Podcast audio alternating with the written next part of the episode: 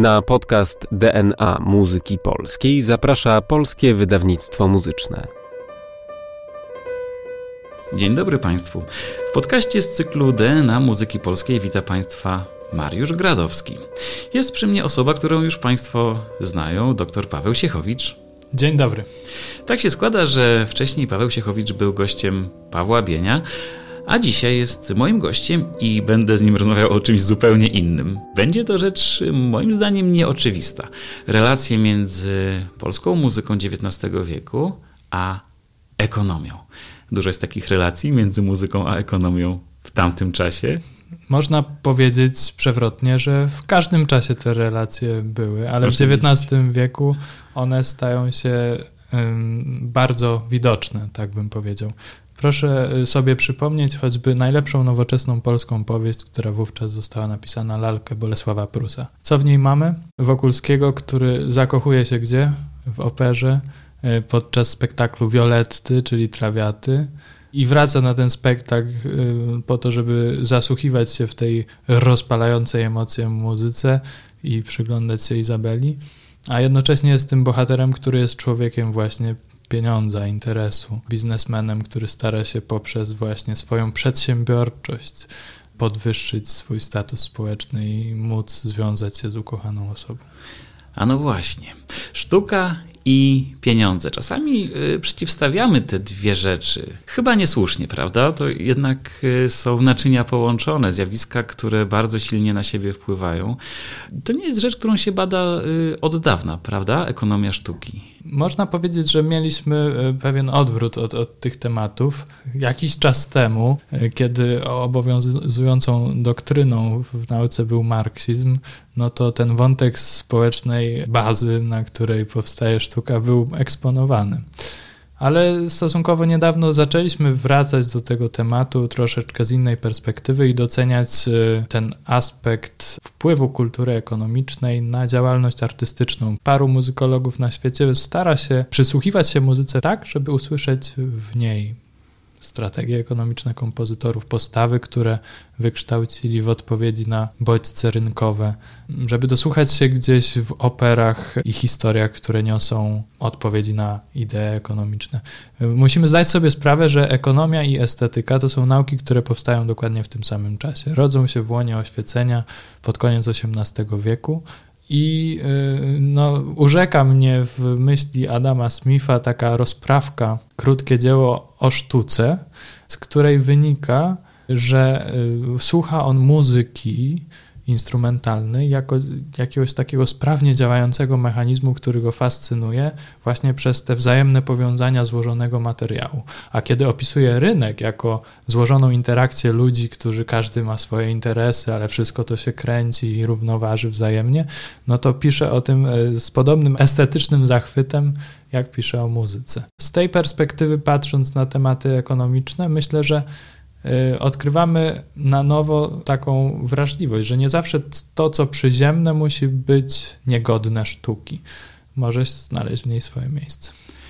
Bardzo ładnie to powiedziałeś i zastanawiam się, czy to nie jest taki właśnie dobry trop, którym można by ekonomię sztuki pokazywać, e, tym, dla których e, być może ten obszar badań jest e, pewnym zaprzeczeniem kontaktu ze sztuką, bo sztuka jawi się jako coś uduchowionego, jako coś, co kieruje nas ku wzniosłości, a tymczasem takie rzeczy bardzo przyziemne, jak rachunki, jak opłaty, jak wynagrodzenie, co właściwie daje badanie ekonomii sztuki w kontekście arcydzieł muzycznych? Mm, myślę, że bardzo ciekawą perspektywę naświetla nam amerykański historyk William Weber, który mówi, że na te najważniejsze figury w historii muzyki, kompozytorów, których podziwiamy, powinniśmy patrzeć, czy też moglibyśmy z powodzeniem spojrzeć przez pryzmat kategorii przedsiębiorczości i oportunizmu. Oportunizmu jako takiej gotowości do skorzystania z szansy, która się pojawia. I niezależnie od tego, czy, czy obserwujemy osobę taką jak Gioacchino Rossini, który akceptuje uwarunkowania rynkowe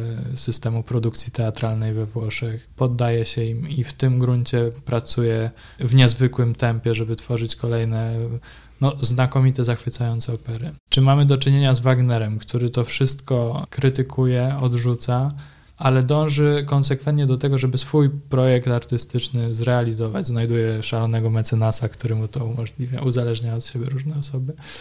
Tutaj pokazuję Państwu dwa bieguny tego zjawiska, ale tak czy inaczej twórcy ci prezentują postawę poszukiwania przestrzeni na rozwijanie swoich y, artystycznych ideałów. Czyli to nie jest tak, że te, oni po prostu komponują, a ktoś to odbiera i teraz my się tym możemy cieszyć. Nie, oni musieli znaleźć miejsce dla siebie na rynku, wypracować sobie strategię, żeby te dzieła mogły zaistnieć. Czyli to jest jeszcze jedna przestrzeń do zrozumienia arcydzieła tak naprawdę. Im więcej o nim wiemy, tym bardziej możemy je docenić, e, także w tym aspekcie zupełnie przyziemnym, bo inaczej komponował Haydn, inaczej komponował Mozart, a inaczej właśnie, tak jak wspomniałeś, Wagner czy Rossini i te ich arcydzieła, jakkolwiek e, no, również estetycznie zupełnie innego rodzaju, na innych zasadach e, tworzone i oceniane, no także u podstawy ekonomicznej były kwiatem zupełnie innej gleby, jeśli można tak powiedzieć. I im lepiej ją zrozumiemy, tym bardziej możemy docenić, co dany twórca mógł, chciał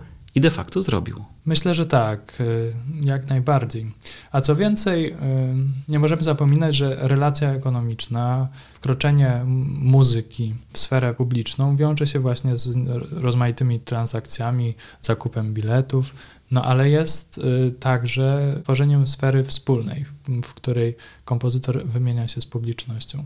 Świetnie to pokazuje przykład Haydna, który po przybyciu do Londynu konfrontuje się pierwszy raz z taką sytuacją. Dotychczas działał tylko y, w ramach y, dworu arystokratycznego, miał powiedzmy stałą publiczność. A teraz w Londynie nagle skonfrontował się z sytuacją, że nie wie, dla kogo będzie tworzył, i zaczął interesować się tym, co przyciąga uwagę publiczności. Nie przez przypadek mamy etykietki, charakterystyczne chwyty w tych symfoniach z okresu londyńskiego, które przyciągają uwagę. Czy to wojskowa, więc zespół wojskowy, czy to e, z uderzeniem w kocioł. Drobny szczegół, a sprawia, że dzieło funkcjonuje nie tylko podczas koncertu, ale też w omówieniach tego koncertu w prasie, komentarzach, które się pojawiają, właśnie przez pryzmat tego jednego szczegółu, detalu. To w ogóle bardzo ciekawe, bo rzeczywiście te gesty są łatwo zapamiętywalne. To ułatwia po prostu rozpoznawanie poszczególnych kompozycji. To są takie mnemotechniczne skróty, które odsyłają do jakiegoś gestu, ale jednocześnie oczywiście pozwalają takiemu dziełu trwać w pamięci, paradoksalnie, niby doraźna korzyść, czyli no powiedzmy funkcja reklamowa albo funkcja użytkowa, e, ale później jednak, jednak coś takiego przechodzi do historii i zapamiętuje się właśnie dany utwór przez tego typu pryzmat. Tak, a tutaj warto zwrócić uwagę na pewne ryzyko, które się z tym wiąże. Funkcjonowanie muzyki w obiegu rynkowym sprawia też, że takie cząstki, szczególnie wyraziste, e, chwytliwe melodie, powiedzielibyśmy, odrywają się od całości utworu, zaczynają funkcjonować same dla siebie, jako taki rodzaj fetysza, który właśnie hołubimy, e, nie zwracając już po jakimś czasie uwagi na jego pierwotny kontekst. No i w ten sposób, krótko mówiąc, motyw losu z piątej symfonii Beethovena trafia do reklamy. No tak, to jest ta druga strona medalu, nomen omen, monety. Po tym wstępie, który był nam potrzebny, żeby zarysować, e, co to jest ekonomia sztuki, czym się może zajmować, jakie może mieć wartości w kontekście poznawania historii muzyki i samych utworów, Przejdźmy na grunt polski. I tak sobie myślę, że może dobrze byłoby zarysować najpierw taką mm, ogólną sytuację ekonomiczną. To będzie pewnie trudne, ale spróbujmy, spróbujmy. Polska w XIX wieku ekonomicznie względem tego, co dzieje się na Zachodzie.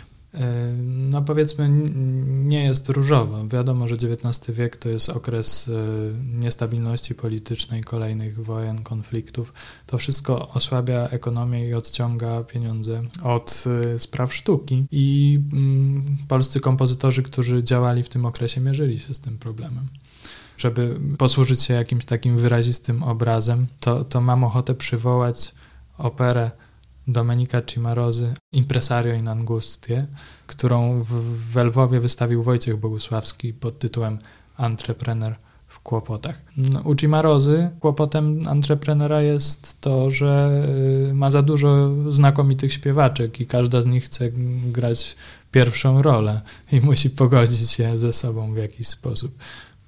Kiedy polscy twórcy w XIX wieku chcieli tworzyć polskie opery, musieli sami wykształcić sobie śpiewaków, budować wszystko tak naprawdę od podstaw, a później spotykali się z problemem tego, że brakuje publiczności często, która uczyniłaby rentownymi tego typu inicjatywy na dłuższy czas. Na przykład yy, przywołam taki no, powiedzmy szczęśliwszy epizod w smutnej z grubsza biografii Ignacego Feliksa Dobrzyńskiego, kiedy w 1857 roku niemiecka orkiestra w Dolinie Szwajcarskiej dawała koncerty symfoniczne Wykonywała drugą symfonię Cemol Dobrzyńskiego z wielkim sukcesem. Dziewięciokrotnie powtarzany był ten utwór podczas tych koncertów i to Dobrzyńskiego zachęciło do tego, żeby powołać do istnienia własną serię koncertów e, abonamentowych. Ona nie utrzymała się dłużej niż rok właśnie z tego względu, że rynek w Warszawie nie był aż tak rozległy, żeby pomieścić dwa konkurujące ze sobą zespoły.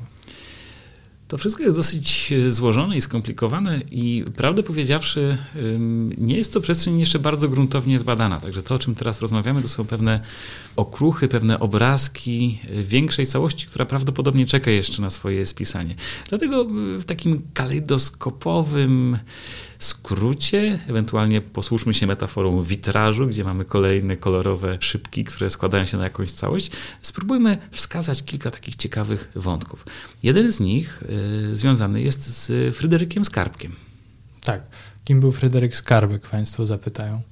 W historii myśli ekonomicznej w Polsce przywołujemy go jako tego, który y, do Polski przeniósł myśl Adama Smitha, czyli ojca ekonomii klasycznej, założyciela dyscypliny a w historii muzyki mówimy o nim jako o ojcu chrzestnym Fryderyka Chopina.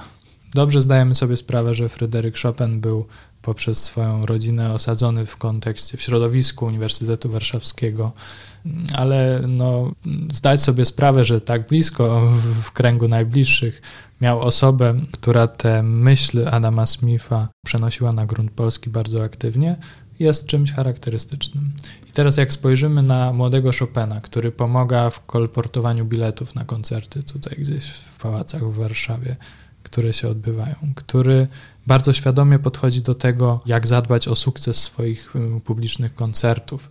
Wsłuchuje się w głos swoich zaufanych ludzi, którzy byli wśród publiczności, żeby się dowiedzieć, jakie były reakcje.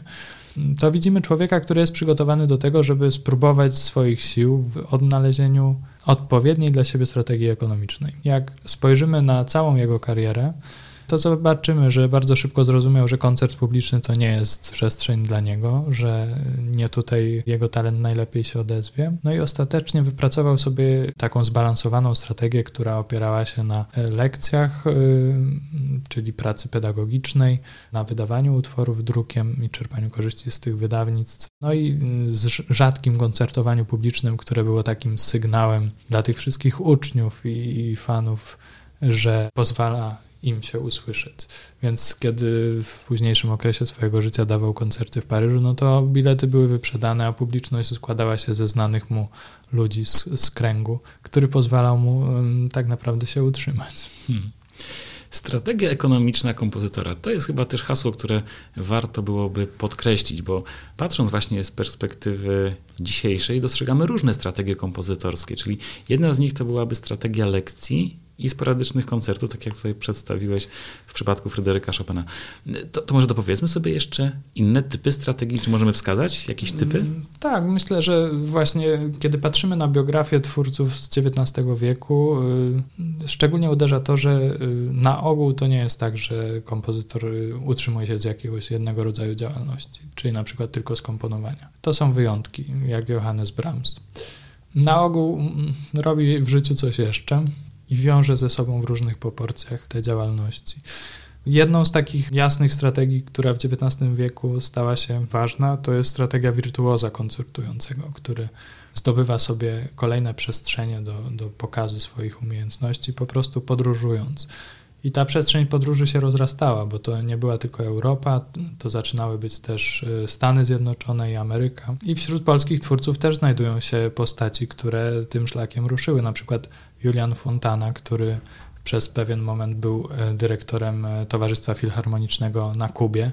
Tam komponował muzykę inspirowaną hiszpańskim czy też latynoamerykańskim folklorem. Kolejną strategią, która na przestrzeni XIX wieku się otworzyła, to jest strategia komponowania muzyki o mniejszym poziomie trudności, takiej amatorskiej, przeznaczonej do sfery domowej. Na gruncie niemieckim estetykę tego rodzaju się określało jako house music, w odróżnieniu od muzyki salonowej, arystokratycznej. I tutaj y, mam wrażenie, że polscy twórcy byli y, w jakiś sposób szczególnie aktywni, choć trudno mi jeszcze w tym momencie ocenić, y, jakie były tego przyczyny. Ale zastanawia mnie na przykład, że bardzo wcześnie, bo około 1850 roku, bodaj w 55, powstają w Polsce pieśni adresowane do dzieci z inicjatywy Stanisława Jachowicza, który stworzył teksty i zaprosił kompozytorów, żeby do tych tekstów przynajmniej częściowo napisali muzykę, powstają piosenki dla dzieci. Ale najbardziej osobliwym i, i ujmującym fragmentem tego zbioru jest pieśń dziesięcioletniego Franusia, która nosi tytuł Pieśń sieroty. I proszę sobie wyobrazić, jaki to jest efekt. Dziecko komponuje melodię E, do pieśni o, o ciężkim losie sieroty, która nie ma rodziców i, i no, musi żebrać o, o chleb. Strasznie wzruszająca sytuacja. No domyślam się, że wtedy ten efekt y, pieśni Franusia musiał być bardzo szczególny i dzisiaj też do nas na pewno dociera. Od razu przypomina mi się też y, kontekst y, Tekli Bondarzewskiej, która chyba w takim nurcie, o którym właśnie wspominasz się plasuje. Zresztą jej sukces jest zupełnie wyjątkowy. Ale jeszcze jedno nazwisko przychodzi mi do głowy. Tym razem wracam do tego wątku strategii twórczych. Y, Stanisław Moniuszko. To jest y, chyba twórca, który jeszcze jakąś osobliwą ścieżką poszedł. Czy mógłbyś spróbować ją zidentyfikować? Kiedy patrzę na, na życie i twórczość Stanisława Moniuszki, to uderza mnie jedno, bo patrzymy na niego zwykle przez pryzmat takiej perspektywy pomnikowej, czyli od dołu ku górze, no tak. e, jako na ojca opery narodowej. A świadomość tego, że miał dziesięcioro dzieci własnych, sprawia, że y, szczerze mówiąc bardziej mnie interesuje to, jakim on był ojcem i jak rzeczywiście zabiegał o to, żeby znaleźć dla siebie coraz bardziej korzystne propozycje zawodowe, które by pozwoliły mu utrzymać stabilność finansową.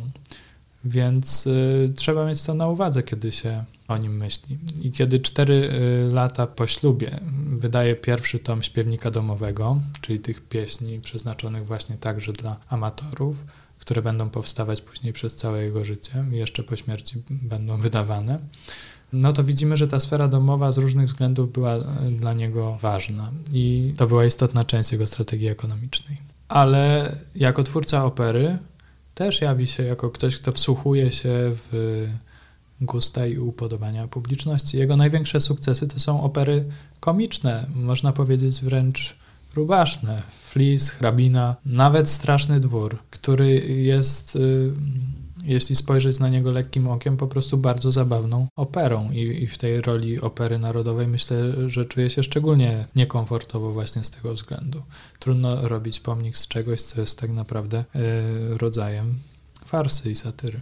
Hmm spojrzenie z perspektywy ekonomii sztuki może czasami y, przypominać takie poszukiwanie historii schlebiania gustom publiczności. Ale to nie o to chodzi, prawda? To chodzi też i o to, że czasami kompozytorzy szli pod prąd, że wiedzieli dokładnie, rozpoznawali rynek, ale decydowali się na zupełnie inne y, działania, no nie takie, które im zapewnią poklask, ale takie, które będą dla nich w pełni zadowalające artystycznie. Tak, to jest ten aspekt, ten wątek wagnerowski, który się pojawił. Pewnego rodzaju upór przy tym, żeby doprowadzić do do realizacji swoje wizje artystyczne, no jest też wymiarem mm, takiego przedsiębiorczego działania. W Polsce twórcy nie zawsze mieli łatwo i często przywołujemy tę historię, że kolejne powstanie zaprzepaściło premierę jakiegoś dzieła. Szczególne nieszczęście w tym przypadku miał Dobrzyński, którego Monbar po 25 latach czekania na wystawienie e, no, został po paru dniach zdjęty z afiszy, bo, bo rozpoczęło się powstanie styczniowe. Ale taka konsekwencja w tym, żeby realizować swoje cele, no to jest właśnie jedna z cnót y, no, przedsiębiorczych o których warto wspominać. Czy moglibyśmy wskazać jakiegoś polskiego twórcę, który takim tropem wagnerowskim szedł? W pewnym sensie nasuwa mi się skojarzenie z kompozytorami młodopolskimi, mhm. którzy znaleźli sobie bogatego mecenasa, dzięki któremu możliwe było powołanie do istnienia spółki nakładowej kompozytorów polskich w Berlinie, wydawanie dzieł zupełnie nowatorskich i nie schlebiających tym średnim gustom. A no świetnie, czyli to już jest ta końcówka okresu, który nas interesuje w podcaście, ale jednak, jednak Nie, łapiemy się. Łapiemy się jak najbardziej. No tak, to jest ta strategia. Zresztą to idzie w parze z pewnymi estetycznymi e, wizjami i inspiracjami, które często płynęły właśnie z Niemiec. Może nie bezpośrednio od samego Wagnera, ale, ale z Niemiec płynęły. Z pewnością tak, z pewnością tak. Dla młodej Polski jest charakterystyczna ta idea sztuki dla sztuki i ona wypływa z tej postawy Wagnera, który starał się wyłączyć sztukę z tych właśnie przyziemnych uwarunkowań.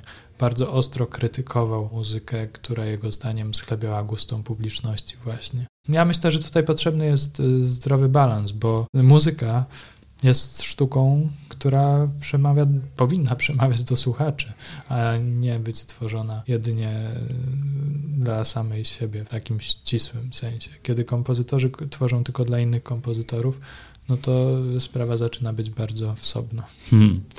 Powiedziałeś sztuka dla sztuki, ale z XIX wiekiem kojarzy się inne hasło praca u podstaw. No, musimy zdać sobie sprawę, że XIX wiek w Polsce to jest czas, kiedy powstały najważniejsze instytucje, które pozwoliły wykształcić y, muzyków y, i tworzyły życie muzyczne w, naj, w tych największych polskich ośrodkach.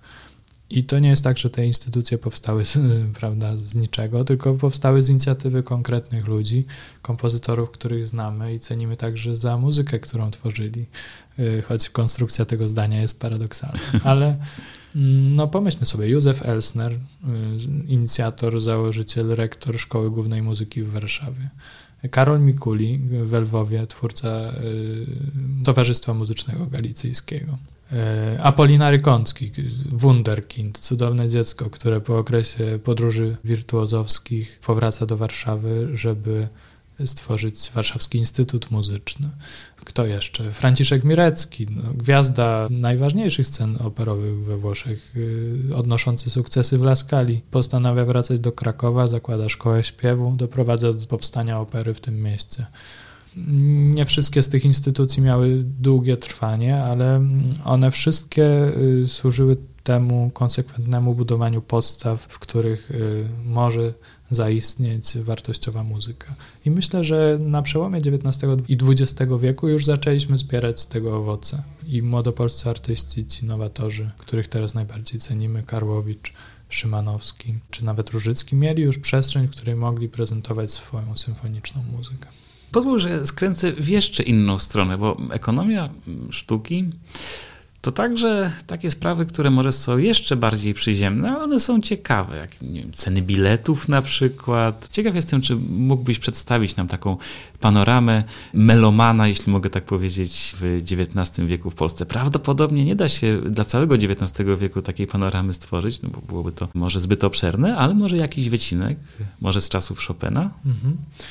Myślę, że warto zdać sobie sprawę z tego, że opera jako budynek jako właśnie taka przestrzeń wspólnego słuchania to jest miejsce, które w XIX wieku przybrało formę takiej przestrzeni wspólnej, publicznej, miejskiej. Ceny biletów do opery w Warszawie były bardzo zróżnicowane. Miejsca w lożach były stosunkowo drogie, miejsca na jaskółce bardzo tanie. E, więc y, szeroki, można powiedzieć, że szeroki krąg społeczeństwa, mieszkańców Warszawy mógł korzystać z tego teatru. I wspomniałeś o tych koncertach z czasów Chopina. Warto y, powiedzieć też o tym, że to przekładało się na sposób, w jaki koncerty te były programowane. E, jeśli e, mieliśmy do czynienia z koncertem publicznym, to nie był to wówczas koncert muzyki poważnej, który nam się dzisiaj kojarzy. Skoncentrowany na długich formach muzycznych, których wszyscy słuchają w nabożnym skupieniu.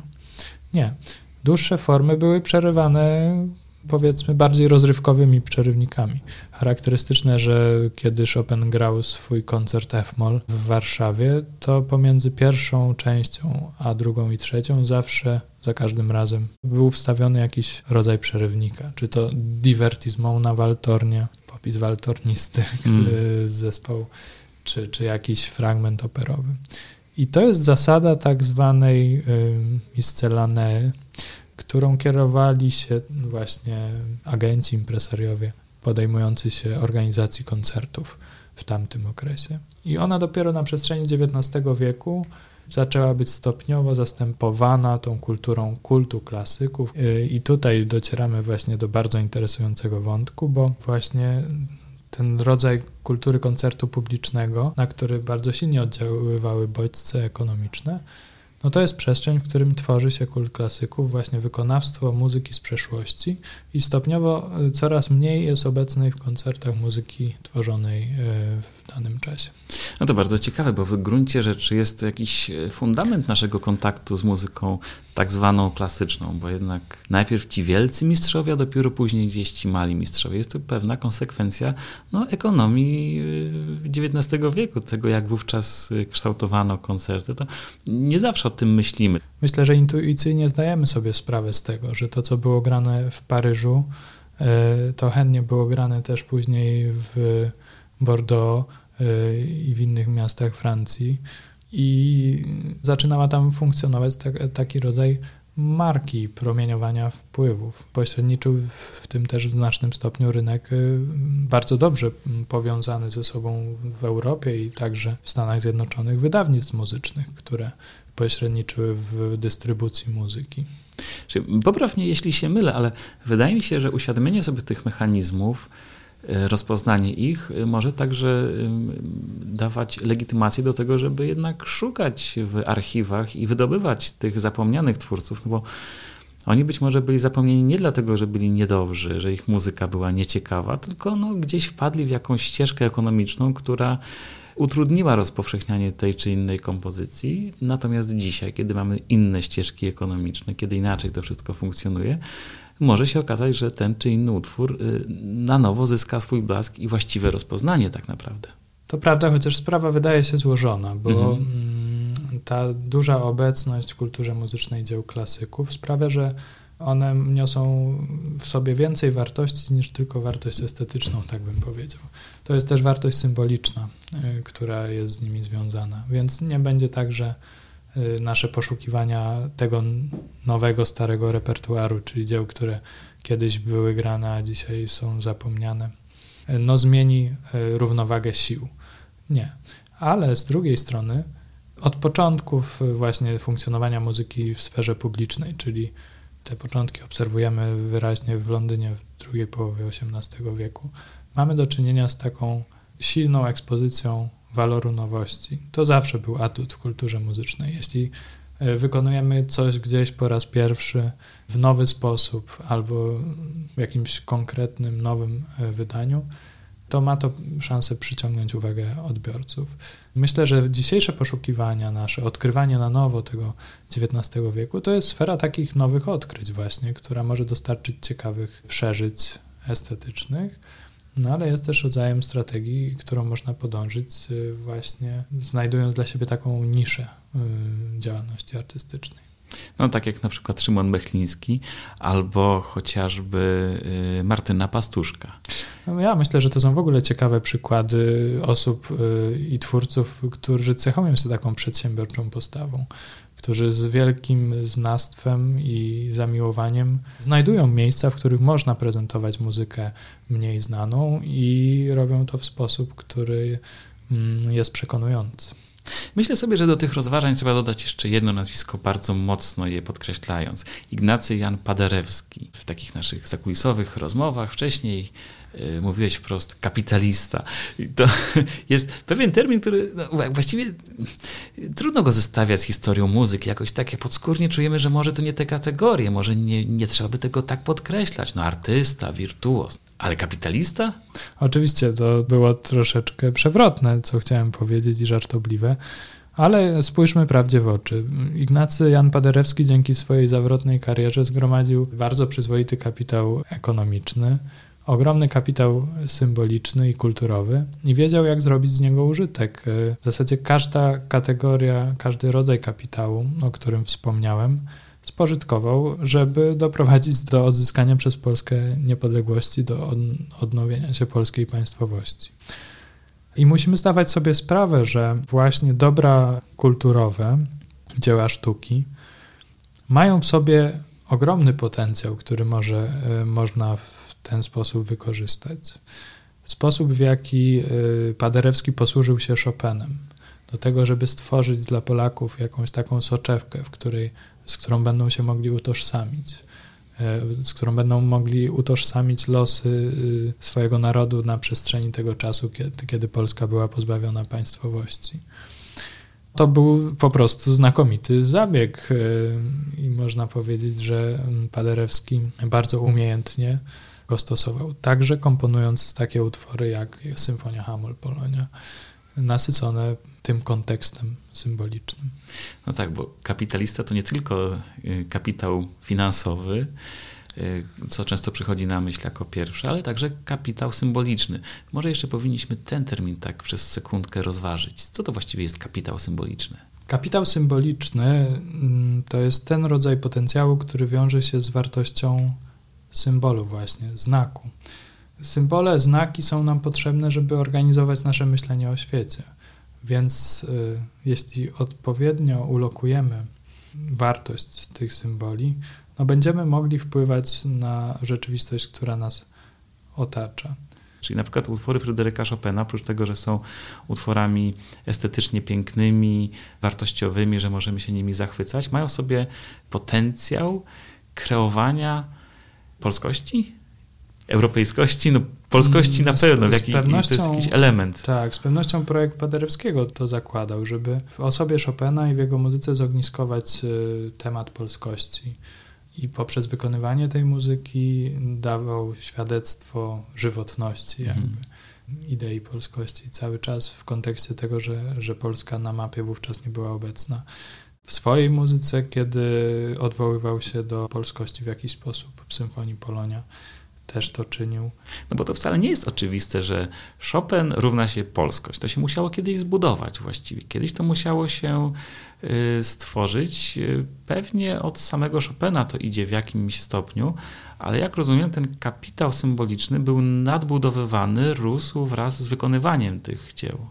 On się generował w kolejnych decyzjach mm, repertuarowych, kolejnych decyzjach wykonawczych, no i w kolejnych decyzjach y, wirtuozów, którzy stawiali na tę konkretną kartę.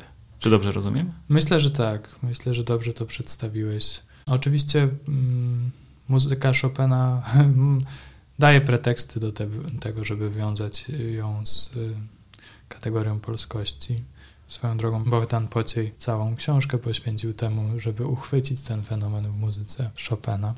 Ale równie ważne jest to, w jakich kontekstach ona jest przywoływana w sferze publicznej i była przywoływana dawniej, w jakich y, kontekstach funkcjonuje dzisiaj. Bo y, fakt, że słyszymy utwory Chopina w pociągu czy w innych przestrzeniach publicznych, nie można tego postrzegać jedynie jako dewaluację wartości tych utworów jako dzieł sztuki nie, to jest właśnie świadectwo tego, że one nie niosą w sobie jedynie wartości estetycznych, ale także wartości symboliczne, które pozwalają nam identyfikować się ze sobą jako członkowie jednej wspólnoty, właśnie dlatego, że mamy coś wspólnego. Mamy muzykę Chopina. Hmm. To może jeszcze jeden wątek, który gdzieś nam przemknął. Podwójne kariery kompozytorskie. Wydaje nam się, XIX wiek to kompozytor, artysta, twórca, demiurg, duch wcielony. Ale to nie do końca tak jest. No właśnie, te bardzo przyziemne kwestie drugiego zawodu, tego, z czego się utrzymywali naprawdę, tego, co pozwalało im funkcjonować. Jak mówiłeś, to był bardzo częsty przypadek wśród polskich twórców XIX wieku. Tak, tak. Można po prostu przedstawiać to w ten sposób, że musieli się imać różnych zajęć, żeby zapewnić sobie byt, ale zdarzają się takie przypadki, które naprawdę dają do myślenia i pozwalają nam umieścić muzykę w kontekście takiego szerszego życia. Bo często dajemy się uwieść takiej narracji, że muzyka żyje w swoim osobnym, estetycznym świecie i wpływa sama na siebie i nic poza tym. E, a te biografie twórców muzyki z XIX wieku, polskie, bardzo wyraźnie pokazują, że ona jednak może być wartościowana na tej samej skali co inne rzeczy. Myślę na przykład o przypadku Franciszka Lesla, który był no, znakomitym kompozytorem, świetnie się zapowiadającym. Po studiach dziesięcioletnich u Haydna e, w Wiedniu wrócił do Polski. W Krakowie i Warszawie odnosił sukcesy jako pianista i nagle po dwóch raptem latach wycofał się z życia muzycznego. Został zarządcą majątku ziemskiego gdzieś pod Kaliszem i tutaj nasze zainteresowanie jego osobą w zasadzie się kończy. A co było dalej? Jaką rolę muzyka pełniła w jego życiu w tym kolejnym etapie? Więcej powiem, jak oceniać znaczenie muzyki w tego rodzaju biografii, albo w biografii Juliana Fontany, który jest takim muzycznym pośrednikiem towarzyszącym Fryderykowi Chopinowi.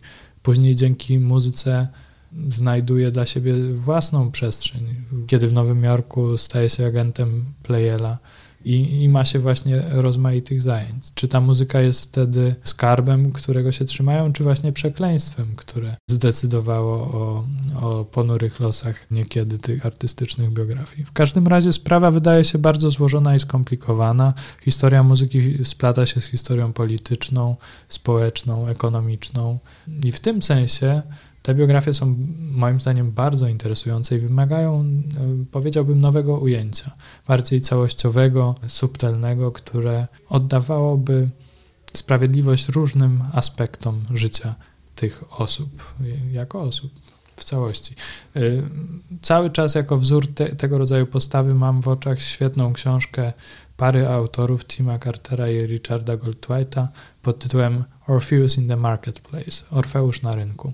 To jest książka o Jacopo Perim, e, znakomitości historii muzyki, twórcy jednej z pierwszych oper, pierwszej opery Euridice, ale książka jest pisana z perspektywy ksiąg rachunkowych, które prowadził, jego dokumentów finansowych, które pokazują, że jego życie podporządkowane było tak naprawdę staraniu o status patrycjusza we Florencji, staraniu, w którym muzyka mu bardzo pomogła które doszło ostatecznie do skutku, choć y, losy jego rodziny urywają się w pokoleniu jego dzieci.